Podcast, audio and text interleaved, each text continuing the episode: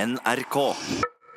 Om du tror at eh, klesdrakten til kunstneren betyr noe for prisen på den kunsten kunstneren lager? Om klesdrakten til kunstneren har betydning for prisen på kunsten som kunstneren lager? Ja. Jeg håper ikke det. Jeg håper at det er kunsten i seg sjøl som avgjør prisen. Ja. Eh, Men bare se for deg følgende, da. Eh, Du er ei lita malerspire. Ja. Eh, Liker å, å, å male. Og de motivene du liker å male, det er gjerne elg i solnedgang-relaterte bilder. Det vil si at du må ha med deg en sånn en, eh, et os. En elveos. En elveos må du ha. Du, du må ha litt lav krattskog. Mhm. Eh, Du må ha en fjelltopp. Selvfølgelig må du ha en solnedgang. Og så må du ha en elg som eventuelt står og speiler seg i vannspeilet der, eller noe sånt. Det er på en måte veldig lett å se hva jeg har malt. Å ja, ja, ja. ja. Mhm, det er veldig re- figurativt. Veldig figurativt og veldig realistisk. Men det er det du liker å male. Og når du maler det, Ja. og når du går på galleri og presenterer kunsten din, og når du er ute i det offentlige rommet, så liker du å ikle deg tresko Ja. eh, med ullsokker oppi, Ja. en litt sliten dongeribukse med høyt liv, ja. eh, gjerne merket Lucas. Ikke Levis. Nei, eh, så har du gjerne badla eller tobakk i, i, i baklommen, for eksempel, med ei lilla skjorte, ei svart skinnvest, du har trailerbart, og du liker så 'Jeg går ut og maler nå, ja'. Har jeg caps? ja. Selvfølgelig har du caps. Gjerne felleskjøpecaps eh, kan du ha når du presenterer eh, maleriene dine. OK. Hmm. Og så? Tenk deg da at du er en annen kunstner som har en hang til å male elg i solnedgang-relaterte bilder. eh, Samme typen bilder. Ja, du, du må ha et elveos, litt grattskog, en elg som speiler seg i vannspeilet, litt fjell og en solnedgang. og litt Veldig sånn. lett å se hva jeg har malt. Absolutt. Veldig figurativt. Ja. Men når du maler disse bildene i galleriet ditt, i atelieret ditt, og presenterer kunsten din i galleriet og er ute i det offentlige rom, så har du på deg rød pumps. Damepumps. Ja. Men jeg er mann. Ja, ja. Eh, Du har på deg nettingstrømper, for eksempel. Mhm. Et eh, plissé-skjørt. eh, Matchende bluse. Så har du skinnvest. Og i lommen på skinnvesten har du gjerne tobakk. Og du har trailerbart. Og felleskjøpecaps. Altså, jeg ser ut som halvt mann og halvt kvinne i, i bekledningen. Stemmer det? Ja. ja. Hvilket bilde av elg i solnedgang tror du ville vært mest verdifullt? Ja, nå ble jeg i tvil. Du ble ikke det? Nei, jeg ble egentlig ikke i tvil. Nei? jeg, jeg tenker at, eh, at eh, skjørtemannen Ja. selger til høyere pris enn enn vest, bare vestmannen. Ja, for hvis du maler elg i solnedgang, i eh, ullstrømper og, og tresko og, og Lucas dongeribukse, så er du liksom Å ja, du bare er nok en av de som maler sånn kitsch. Det der er gjort før. Eh, Maler du det i røde pumps, eh, nettingstrømper og skjørt, så kan du være bombesikker på at du som kunstner kanskje framstår som en eller annen som har en litt krasse kommentar til noe samtidsgreier som vi ikke forstår. Mm. Og hva skjer da? Da blir det interessant. Ja. Mm. Da våkner pressen, da våkner publikum, Ja. og da blir det ei greie. Ja. Og blir det ei greie, så er det flere som skal ha, og er det flere som skal ha, så går prisen opp. Stemmer det. Så tror du nå at eh, klesdrakten til kunstnere betyr noe for prisen på kunsten? Det kan veldig godt være. Ja. Så hvis du maler i kjortel for eksempel, heter Odd til fornavn, så er det plutselig dyrt. Om du har hørt om eh, det store ballongslippet i 1986? Nei, det store ballongslippet. Ja. Gikk det bra? Nei? Det gikk dårlig. Eh, Ja, eh, det gikk bra en stund. Eh, Men det er da eh, i 1986, og vi skal til Cleveland i USA. Da er det en veldedig organisasjon som kalte seg for United Way of Cleveland. De hadde jo funnet en geniale måte å samle inn penger til veldedige formål på. Og det var å slå verdensrekorden i å slippe ut antall ballonger på en gang. Hvordan skal det bli penger av det? Da er det sånn at du eh, skaffer deg sponsorer. Ja. Så sier du at jeg skal ha én dollar per ballong. Eh, og så betaler sponsorene det, og så er det jo om å gjøre å da få blåst opp mest mulig ballonger og sluppet de ut. For det var nemlig Disneyland eller World eller Disney-konsernet som hadde verdensrekorden fra før i forbindelse med 30-årsjubileum. Hvor mange slapp de opp da? De slapp opp eh, mindre eller halvannen million. Mindre enn halvannen million, Ja. men men ikke så langt ifra. Ja, halvannen jeg er million. ikke helt bombesikker på det tallet, for å være ærlig, men eh, det var iallfall eh, det som var målet til United Way of Cleveland. De skulle ha 1,5 millioner ballonger opp i lufta, sette ny verdensrekord og få inn 1,5 millioner dollar, som jo er en formidabel sum med penger. Skulle alt dette her opp på én gang? Ja, ja. Men hvem som blåste de opp? Ja, Det var jo mange tusen som satt i 48 timer eh, med, med røyr og med rakkels og blåste helium inn i ballongene, for disse skulle jo fly av gårde. Ja. Og så tenker du, ja, tenker du kanskje for en forurensning og for et plastikksøl. Eh, Ja. Det var jo litt før det var full oppmerksomhet rundt dette med plastikkforsøpling, men de hadde nå tenkt, for de hadde skaffet seg ballonger som skulle gå i oppløsning av seg selv over tid, så de var litt sånn sånn, disse søppelposene som du hiver matavfall i, liksom at de, de forsvinner til slutt. Å ja. Så de, de følte jo de hadde tenkt på det. 1,5 millioner sånne. Yes! Og de gikk i gang og blåste og blåste i 48 timer. Hvorfor blåste de ikke vekk mens de blåste opp? Fordi at de har sperret av et helt kvartal med en netting som blir som et tak. Sånn at når da disse som blåser ballong sitter under nettingen, Ja. så blåser de en ballong, så bare slipper de den, så stiger den til værs oppe i nettingen. Og så Å, blir ja. den hengende. Og så skal de, til- når de er klar med å blåse opp alle, så skal de ta vekk nettingen, og så skal alt til værs. Stemmer det. Å, ja. Så kommer jo dagen når verdensrekorden skal settes. Mhm. og, og, og halvannen million ballonger skal i lufta. Og du kan jo tenke deg det. Spektakulære synet. Da er det fest. Da er det fest. The Guinness Book of World Records has just been broken in Cleveland. Over 1,500,000 balloons going up in the air at this very, very moment. Look at the crowd go! We did it! We did it, John! There it goes! Og det er mye følelser. Og det er mye følelser, og det er jo helt spektakulært. Eh, Det er jo spektakulært lenge, og det går jo bra ei stund. Jeg har en følelse av jeg har som, Dette er en solskinnshistorie eh, ei stund. Ei stund, ja. For hva er det som skjer? For det første, ballongslippet er jo framskyndt noen timer fordi værmeldinga er litt dårlig. Ok. Eh, Så slipper de halvannen million ballonger i- opp i lufta. Så er jo uværet allerede på vei. Men hva for et uvær snakker vi om Vi da? snakker om sterk, kald vind og regn. Åh. Det som jo da skjer, er at disse ballongene som skal stige til værs, kommer opp i atmosfæren og til slutt sprekker. Eh, De s- går ikke opp i atmosfæren og sprekker ikke i det hele tatt. De blir dytta ned igjen, tilbake i gatene, av denne kalde vinden og regnet. Oi! Uten at de sprekker. 1,5 million ballonger på retur ned igjen. Ja, utover gatene i Cleveland, utover innsjøene rundt Cleveland, utover flyplassen i Cleveland, som må stenge, og fly kan ikke lande i det hele tatt. Det er ballonger overalt. Og tragedien oppi det hele er der jo òg. For det er to som er ute og fisker i en båt som kantrer. Og redningshelikopteret kan ikke lette, fordi at lufta er full av ballonger. Oi. Så de kan ikke lette. Og når da endelig ballongene har falt til bakken, så skal de ut og lete etter disse fiskerne.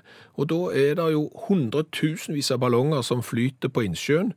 Og klarer du å se en redningsvest mellom 100 000 ballonger? Det gikk ikke. Ai, ai, ai. Så de døde. Dessverre, de drukna. Og katastrofen bare fortsetter jo og fortsetter jo. Det blir jo et kolossalt eh, mye søppel. En halv million ballonger havner jo over i Canada, på en strand eh, der borte. Eh, søksmålene kommer jo til byen i søkk og kav. Det er ei som har fått skremt opp araberhesten sin. Hun eh, inngår et forlik på noen hundre tusen dollar. Eh, de etterlatte etter fiskerne eh, saksøker òg og inngår et eh, forlik. Alle som har fått søppel inn i byen og ballonger, inngår eh, forlik, og det er så dyrt Men, for ja, Cleveland. og alle pengene til det veldedige formålet er fordufta opp.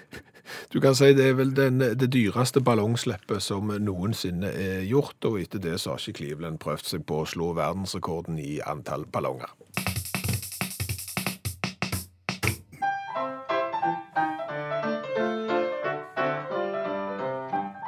Nå skal en representant fra uttaktpersonalet synge. Ja, Men det går fort. ja du er herved advart. Det tar bare 27 sekunder, men det er jo i forbindelse med dagens revyvise, der du kommenterer noe fra nyhetsbildet ved hjelp av en sang. Eh, Og normalt sett så pleier det jo å være vanskelig å bestemme seg, for det er mye gøy der ute. Så det går an å lage sang om. Ja, i, i dag var jeg ikke i tvil. Så i dag har jeg gått rett på én historie. Kan jeg få overskriften? Eh, Det kan du godt få. Eh, du- Medium tar med spøkelse hjem, dama flytter ut. Den var litt lang. Ja, eh, det er jo litt langt. Men vi skal til England, og vi skal til Ed Boker. Booker. Bo- Bo- Hvem er Ed Booker? Han er 37 år, eh, og han eh, har da en kjæreste som heter Donna Hall, hun er 31. Eh, Nå har jeg funnet LinkedIn-profilen til Ed. LinkedIn er, kan du si, en sånn en Altså det som man presenterer seg i, i næringslivet, på arbeidsmarkedet, på en måte. Ja, d- hva du kan. Ja. Liksom, hva, hva du kan hvis du skal ha jobb. Hva er det Ed kan? Eh, Han står oppført der som spirituelt medium og sykepleierassistent. Å ja. Ja. Slash sykepleierassistent, vel å merke. Hva er du når du er spirituelt medium Nei, han er jo blant annet rundt og driver med litt eksorsisme, da. og fjerner onde ånder i folk? Ja, Så han og eh, kompisene i det spirituelle miljøet i, i eh, Worthington West Sussex var ute og skulle jage vekk noen spøkelser i et hus. ja. Det gikk bare sånn passe. Uff da. Ja, for det som skjedde var at Ed klarte jo å jage spøkelset vekk, men ikke langt nok vekk. For det som skjedde var at spøkelset f- dro vekk fra det huset som de drev eksorsisme i, men ble med Ed hjem. Og det er litt sånn som når du, når du, når du skal prøve å få vekk en katt som du treffer ute, så bare dilter han etter deg. Stemmer det? Du får han ikke vekk. Og det viser seg jo da at dette spøkelset som Ed har drukket med seg hjem, er spøkelset til en sirkusdirektør. Godt. Og mine damer og herrer, kan jeg be om den aller største tystnad? Så dette spøkelset her, med flosshatt og mirakels, har jo drevet Ed til vanvidd hjemme, og, og kjæresten òg.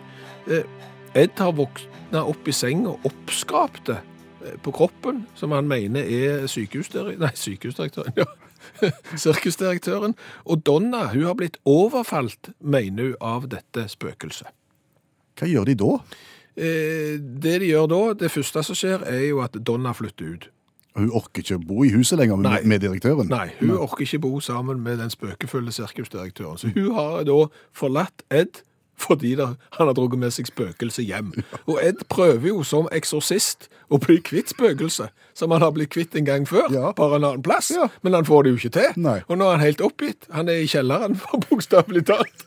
Så, så, så han, sliter litt. Han vurderer ikke å kontakte et massemedium. Jeg vet ikke. Så nå har eh, det spirituelle mediumet slash sykepleierassistenten eh, rett og slett stått fram i pressen og fortalt om dette. Ja, og du har skrevet en sang om Ed. Ja.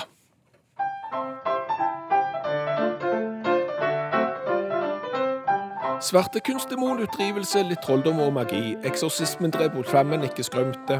Kjæresten ble mektig lei av Stein du sirkusdirektør. Poltergeist på høylys dag og dama rømte. Nå sitter stakkars Ed igjen igjen med gjenferd.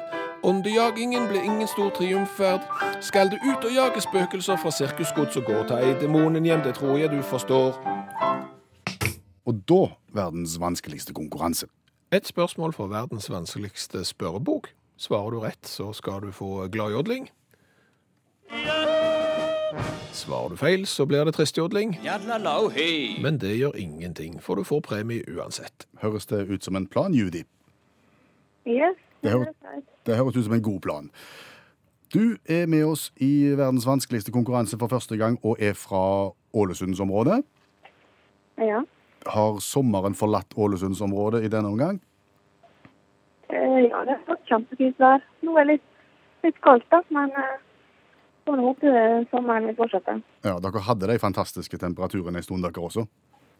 Ja. Ja. Og det er litt godt, fordi at tematikken i konkurransen i dag eh, er på en måte innom det. Stemmer det, stemmer det. Vi går i gang. Vi spiller verdens vanskeligste konkurranse. Fordi kulegrillen ble nemlig oppfunnet i 1952. Han som kom på ideen om å lage kulegrill, han drev egentlig på med noe annet som inspirerte han til å lage kulegrill. Så Judy, hva drev han egentlig med? Ti sekunder fra nå. Hva, hva du sa Kulegrill? Kulegrill, ja. Hva han egentlig holdt på med? Han som oppfant kulegrillen, holdt egentlig på med noe annet før han fant opp kulegrillen, men dette inspirerte han. Hva drev han egentlig med? Forslag. Eh, hva han Inspirerte han? Mm, vi må be om et svar. Eh, nei, han eh, Mat? Han drev med mat, er forslaget. Forslag er mat. Yadlalau, hey. Å, beklager. Ja, han, han drev jo på med mat som en hobby, kan du si. Men, men det han gjorde, eh, han lagde da havbøyer. George Steven het han, og så jobbet han hos noen som heter Weber Brothers Metalworks utenfor Chicago, og så sveiste de sammen sånne metallkuler som var bøyer i, i havet. Og så fant han ut at det var noe irriterende også, at hver gang jeg skal grille i Chicago, så blåser det jo, eh, for det er The Windy City, og da blir maten min ødelagt. Eh, Hva hvis jeg sager i to ei sånn ei havbøye, og så bruker jeg den ene delen som lokk og den andre som grill? Blir ikke det fint? Svaret er jo. Nei, jeg får radioen bare. Så, der, så dermed så var kulegrillen oppfunnet i Chicago i 1952, Judy. Ja. Ja, Ja, et, da lærte jeg noe nytt. da har du lært noe, og så skal du få T-skjorta i posten. Tusen takk for at du var med oss. Eh, Og grillforbudet, hva kan vi si om det? Er det Eh, I vår region så er det iallfall ikke grillforbud eh, lenger, så nå skal jeg endelig få eh, brukt den kulegrillen som jeg kjøpte på salg. mm, som altså da ble eh, konstruert i 1952 med utgangspunkt i Havbøye. Om eh, vi kan spille en eh, vignett som jeg har lagd sjøl? Er den lang? Eh, ja. OK, vi prøver.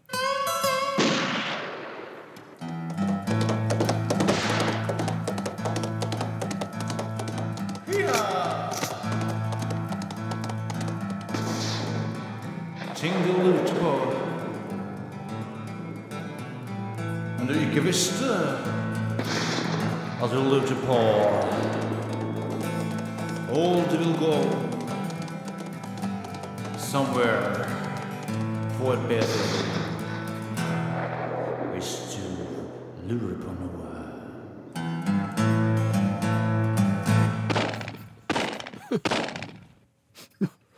Ja, det var vignetten for eh, spalten Ting du lurte på, som du ikke visste at du lurte på. Den forsvant. Jeg følte vel at budskapet forsvant litt i dramaturgien. Ja, det kan du si. Det er 40 sekunder av livet ditt som du aldri kommer til å få igjen. Bokst- så eh, det, han var nok kanskje litt lang, ja. Han, han var jo det. Men eh, Forhåpentligvis så har han inspirert oss og, og eh, alle der ute til å nå spisse ørene, for nå skal vi lære om ting som vi lurer på, men som vi ikke visste at vi lurte på i Ja, det, utgangspunktet. det vil jo vise seg det, om man har inspirert, eller om man bare Kan ikke du bare begynne nå? Ja, ok. Men, men om du har lurt på eh, hvilket land i verden som har flest tidssoner? Nei, Nei, det har jeg ikke lurt på. aldri. Aldri. Ikke våkna om morgenen en gang og liksom tenkte ja, flott dag i dag, men lurer på hvem, hvilket land i verden som har flest tidssoner. Nei, det Nei. var ikke det. Mm. Det var dumt. Men Kjente du litt på det nå? det er jo som alltid i denne spalten her, at det du ikke visste at du lurte på, Ja. det kan fort være noe du lurer litt på likevel. Ja, nå når jeg nevner det, så Ja, det er det lurer du jeg litt. sier. Ja. Altså, først må du definere en tidssone, da. Ja, hva er det? Ja, Det er jo sånn at eh, hvis klokka er eh, for eksempel fire her, og tippekampen starter, så er klokka tre i eh, London Ja. når de spiller fotballkampen. Og det kan være veldig viktig å vite det, for hvis du sitter på pub eh, og tenker at det er en time til kampstart, for han begynner jo alltid klokka fire, For du har ikke stilt klokka di. ja, så får du jo ikke med deg det målet som blir skåret i den kampen, for eksempel. Så dermed er det viktig å ha kontroll på tidssoner. Ja, det er tidssoner mellom land, fra Norge til England, men som du sier, så er det da land som har mange tidssoner i sitt eget land. Ja! Det var som om vi skulle hatt én i Stavanger, én i Oslo og én på Kongsvinger. For eksempel. Ja. Eh, Så sånn er det. Og da er jo spørsmålet, hvilket land tror du har flest tidssoner? USA. Ja, det er nærme, men det er ikke helt rett. OK. Jeg vil, nei, OK. Men er det på det amerikanske kontinentet? Mm. Ja, Det bør jo både og det. Altså det som er greia er at USA har mange tidssoner. 11. OK. Eh, Russland, 11. Uavgjort. Ja, men de har ikke flest. Frankrike har flest. Frankrike. Frankrike har flest. Når klokka er fire her på ettermiddagen, så er det fire på ettermiddagen i, i Paris òg, og i hele Frankrike. Nesten. For det som er greia med franskmennene, vet du, de har jo klart å spre seg ut over den store, ganske vide verden. De har lagd seg fransk Polynesia, de har Clipperton Island, de har Guadeloupe og Martinique og Saint-Martin og fransk Guyana og Saint-Pierre og Mayotte og Réunion Og alle disse rare stedene har tidssoner, ja, selvfølgelig. Stemmer det. Og Så der- de sprer seg jo overalt. Og dermed så har franskmennene verdensrekord i antall tidssoner 12. Og det er et fun fact som du kan bruke i selskapslivet hva tid som helst. Hva har vi lært i dag? Du all verden, vi har lært mye i dag. For en dag. Ja, eh, fordi vi har jo blant annet lært at det er ting som tyder på at klesdrakten og fremtoningen til kunstneren er med på å påvirke prisen på kunstverkene til vedkommende. At hvis du maler i eh, kjortel og, og dameklær som mann og ser mer, me- veldig spesiell ut, så øker oppmerksomheten rundt deg som person, og prisen på kunstverkene dine har òg en tendens til å øke. Tor Inge har sendt inn et bilde som, eh, vi har lagt, som han har lagt ut på Facebook-gruppa til Utakt, eh, som er et relativt eh, endimensjonalt motiv. Det var fint sagt. Ja, men- og det er da malt i shorts, slitt ullgenser og barføtt. Og Tor Inge skriver at jeg tror ikke jeg får masse penger for det uansett. Nei. Og Der er vi nok helt enige. Ja. Men gå inn og se på det. Ja. Og, og, og gi, det- gi han en kommentar. Det kan godt være at han trenger et løft Ja. i, i, i kunstnerkarrieren sin. Stemmer det. Så har vi jo lært det at skal du slippe ut 1,5 millioner heliumballonger, så studer værvarselet nøye. Ja, for kommer det veldig, veldig, veldig mye vind og lavtrykk, Ja. så kan du risikere at ballongene blir blåst ned igjen til jorda. Ja, de stiger ikke til værs, de blir blåst ned til bakken. 1,5 millioner ballonger i en by er f- et klatt. Flyplasser stenger, det blir forurensninger, araberhester blir vettaskremte, osv. osv. Skjedde i Cleveland i USA. Så har vi jo lært litt om Ed. Ja, eh, eksorsist og hjelpepleier. Ja, stemmer det. Eh, Spirituelt medium. Med litt rare Jeg vet ikke hva egenskaper egentlig Ed har som spirituelt medium. For han har jo da vært ute og jagt vekk en avdød sirkusdirektør fra et hjem. Ja, Og det gikk jo egentlig bra. han ble bare ikke kvitt han. Nei, fordi at dette, dette spøkelset ble jo med Ed hjem. Ja. Og der klarer han ikke å jage det ut ifra. Nei, men det endte jo med at kona forlot han, for hun orka ikke bo med både Ed og direktøren. Nei. Nei. Så det ble et skikkelig sirkus. Eh, Så har vi jo lært det at kulegrillen opprinnelig var ei havbøye. Yes. Sag den i to, så har du både bånd og topp. Det funker. Hentet i Chicago i 1952. Yes. Så har vi lært at Frankrike er det landet i verden med flest tidssoner. Ja, det er fordi at Frankrike eh, etablerte seg over store deler av kloden i en periode. Ja, litt grafsing kan det kalles. Ja. Tolv tidssoner. Men så har jeg lært, for jeg har fått en mail, at Norge kunne hatt fem tidssoner. Kunne Norge hatt fem? Ja. For I dag virker kanskje dette helt uvirkelig og kanskje upraktisk, dumt og alt det andre, men for litt over 100 år siden så var nordmenn vant med å stille klokka når de reiste innad i Norge. Å ja? Lokaltider kunne variere med opptil 40 minutter. ja, Så kan du tenke deg hvis utakt nå begynner fem minutter over 11, men Kristiansand-tid, eh, så begynner vi jo eh, 17 over. Oi sann. Eh, Og for ikke å snakke om eh, Bodø-tid eller Lærvik eller andre. Det er jo litt spesielt, så der lærte vi virkelig noe. Hør flere podkaster på nrk.no podkast.